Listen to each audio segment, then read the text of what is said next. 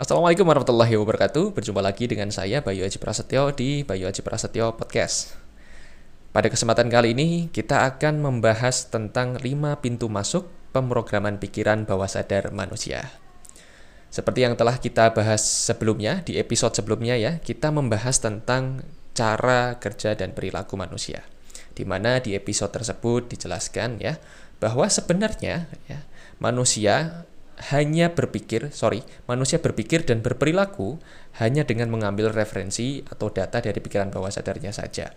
Misalnya, dalam contoh yang waktu itu saya sebutkan di episode tersebut adalah ketika saya bermain hipnosis dengan adik kelas saya, saya memberikan sugesti kepada adik kelas tersebut agar menjadi orang Amerika, ceritanya seperti itu ya. Dan ketika dibangunkan, ia benar-benar menjadi Eh, seolah-olah jadi orang Amerika dan dia menjadi sangat percaya diri ngomongnya. Ngomong bahasa Inggrisnya. Yang di mana sebelumnya tidak percaya diri dan nggak muncul tuh kemampuan bahasa Inggrisnya. Nah uniknya adalah ketika itu eh, adik kelas saya itu ngomongnya ya vocabulary-nya atau kosakatanya hanya itu-itu saja. Tidak kaya ya dan itu mencerminkan bahwa kalau nggak ada datanya maka ya nggak akan muncul. Sama seperti misalnya anda uh, pengen menuju atau pengen mencapai goal ya dengan memiliki pengen memiliki perilaku tertentu yang dapat mendekatkan diri Anda pada goal tetapi kok nggak bisa-bisa? Nah bisa jadi belum ada programnya di bawah sadar Anda. Nah lebih lengkapnya silakan Anda dengarkan di episode selanjutnya ya judulnya cara kerja pikiran dan perilaku manusia oke di podcast saya nah selanjutnya pertanyaannya adalah kalau ternyata manusia hanya berpikir, berperilaku, ya, berstrategi merespon suatu keadaan hanya dengan mengambil referensi atau data-data yang ada di bawah sadarnya saja. Nah, dari mana sebenarnya program-program dan data-data di pikiran bawah sadar manusia ini masuk? Dari mana sih masuknya gitu loh? Kok bisa ya apa namanya program-program yang kita miliki ini masuk di bawah sadar kita? Yang pertama ya, sebelum kita bahas dari mananya, kita akan bahas dulu ya pintu masuknya. Nah, pintu masuknya ini sebenarnya kalau misal kita bahas akan lama ya, akan cukup panjang ya, memakan cukup waktu, tetapi kita bahas singkat saja ya. Nanti kita akan bahas di episode-episode selanjutnya. Nah, pintu masuk manusia, pintu masuk informasi atau pemrograman pikiran manusia ini sebenarnya adalah panca indera kita ya. Mata, telinga, hidung, mulut, ya. Kemudian perabaan kita dan lain uh, semua itu pokoknya lima itu ya panca indera kita. Itu adalah telinga kita ya. Itu semua adalah pintu masuk ya informasi dari luar yang kita kolektif ya kita simpan di dalam memori kita di bawah sadar ya. Kemudian kita maknai menjadi sebuah program di pikiran bawah sadar nah itu bagaimana proses terbentuknya program di bawah, di bawah sadar nanti kita akan bahas di episode selanjutnya ya Nah, selanjutnya dari mana saja atau pintu masuknya tuh mana saja sih? E, kok bisa ya? Itu kan tadi, sorry, itu kan pintu masuk ya. Nah ini dari mana saja sih program-program bawah sadar ini masuk ya? Yang pertama yaitu dari yang namanya repetisi atau pengulangan. Misalnya nih e, dari kecil e, ketika anda belajar gitu ya matematika selalu uh, bukan selalu ya tetapi anda mungkin merasa kesulitan karena mungkin kecerdasan anda tidak dominan di berpikiran logis seperti matematika ya bisa jadi. Nah orang tua anda misal ngomong oh atau guru anda bilang ya bahwa kalau orang yang nggak bisa matematika itu orang yang bodoh atau murid yang bodoh nah karena terus menerus diulangi maka anda merasa diri anda bodoh ya karena diulang-ulangi ya e, maka lama kelamaan pikiran bawah sadar Anda menerimanya ya dan meyakini bahwa diri Anda bodoh. Apalagi misal ditambah oleh orang tua ya yang yang bilang. Kemudian misalnya e, ada orang yang bilang bahwa e, kamu harus hati-hati sama pria, misalnya Anda wanita harus hati-hati sama pria karena pria itu cenderung brengsek, misalnya seperti itu. Nah, karena e, misalnya diulangi oleh lingkungan Anda atau atau oleh siapa pun yang menurut Anda orang tersebut terpercaya oleh Anda, Anda yakini jika Anda wanita. Akhirnya Anda secara tanpa sadar menemukan pria-pria atau sosok-sosok pria yang seperti keyakinan Anda. Kalaupun ada yang tidak sesuai dengan keyakinan Anda, Anda uh, bertanya-tanya, ah nggak mungkin nih pria seperti ini. Pria tuh seharusnya seperti ini, sesuai dengan yang uh, Anda persepsikan. Kemudian dalam hal uh, penafkahan, misalnya ya orang tua Anda sering bilang, kamu nggak tahu ya cari uang itu susah. Nah, kayak gitu. Diomongin kayak gitu terus ya cari uang itu susah cari uang itu susah dan lain sebagainya. Terus menurut ya diulangi repetisi gitu ya.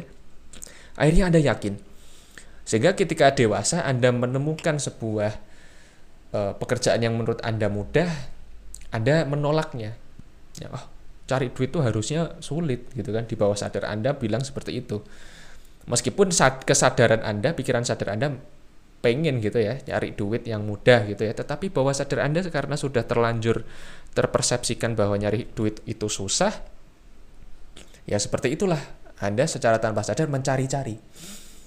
Kemudian karena mencari Anda pun menemukan ya bahwa eh, nyari duit itu, sus itu susah. Dan ketika anda bekerja kemudian capek dikit langsung anda mengonfirmasi oh ya bener ya cari duit itu susah capek gitu kan.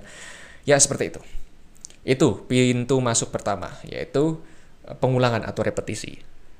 Yang kedua yaitu adalah identifikasi kelompok atau keluarga. Nah manusia cenderung melakukan persamaan-persamaan sesuai dengan di mana dia uh, berkomunitas. Misalnya nih, saya orang Semarang, tentu saja cara berperilaku saya, berpikir mungkin ya, berkebudayaan saya akan berbeda dengan orang Jakarta atau orang Surabaya. Cara ngomong pun juga berbeda. Orang Indonesia kita akan berbeda pula dengan orang luar negeri misalnya di Arab Saudi atau di USA atau di England dan lain sebagainya ya. Setiap kebudayaan atau setiap kelompok ya, setiap komunitas memiliki ciri khasnya masing-masing dan kita teridentifikasi ya dengan kelompok di mana kita bernaung atau kita berada. Nah, seperti itu ya, itu pintu masuk yang kedua. Pintu masuk yang ketiga adalah dari figur otoritas ya. Pesan-pesan ya, ide-ide yang disampaikan oleh figur otoritas ya, itu seperti sebuah sugesti yang mudah masuk di pikiran bawah sadar manusia menjadi sebuah program Nah, kalau misal kita uh, bahas di yang tadi, pintu masuk pertama ya, yaitu repetisi, misalnya seorang guru yang menyampaikan kepada muridnya bahwa se seorang murid itu bodoh, guru ini adalah figur otoritas. Sudahlah diulang-ulangi kata-katanya, diulangi uh, dikatakan oleh seorang guru yang merupakan figur otoritas yang dianggap uh, memiliki keilmuan yang dimiliki uh, dianggap sebagai pakar, di, dianggap sebagai orang yang lebih tinggi derajatnya. Sehingga ketika di disampaikan oleh seorang yang memiliki figur otoritas, maka akan menjadi lebih mudah masuk di pikiran bawah sadar. Selain guru juga orang tua. Orang tua ketika uh, menyampaikan sesuatu ke anak itu sangat mudah masuk di pikiran bawah sadar anak menjadi sebuah sugesti, menjadi sebuah program di bawah sadar dan menjadi sebuah perilaku. Perilaku yang diulangi terus-menerus akan menjadi kebiasaan. Kebiasaan yang diulang terus-menerus akan mengundang sebuah hasil yang cenderung sama ya dan menjadi pola. Kalau programnya baik di bawah sadar, maka polanya akan baik juga. Tetapi kalau sebaliknya ya sebaliknya pula.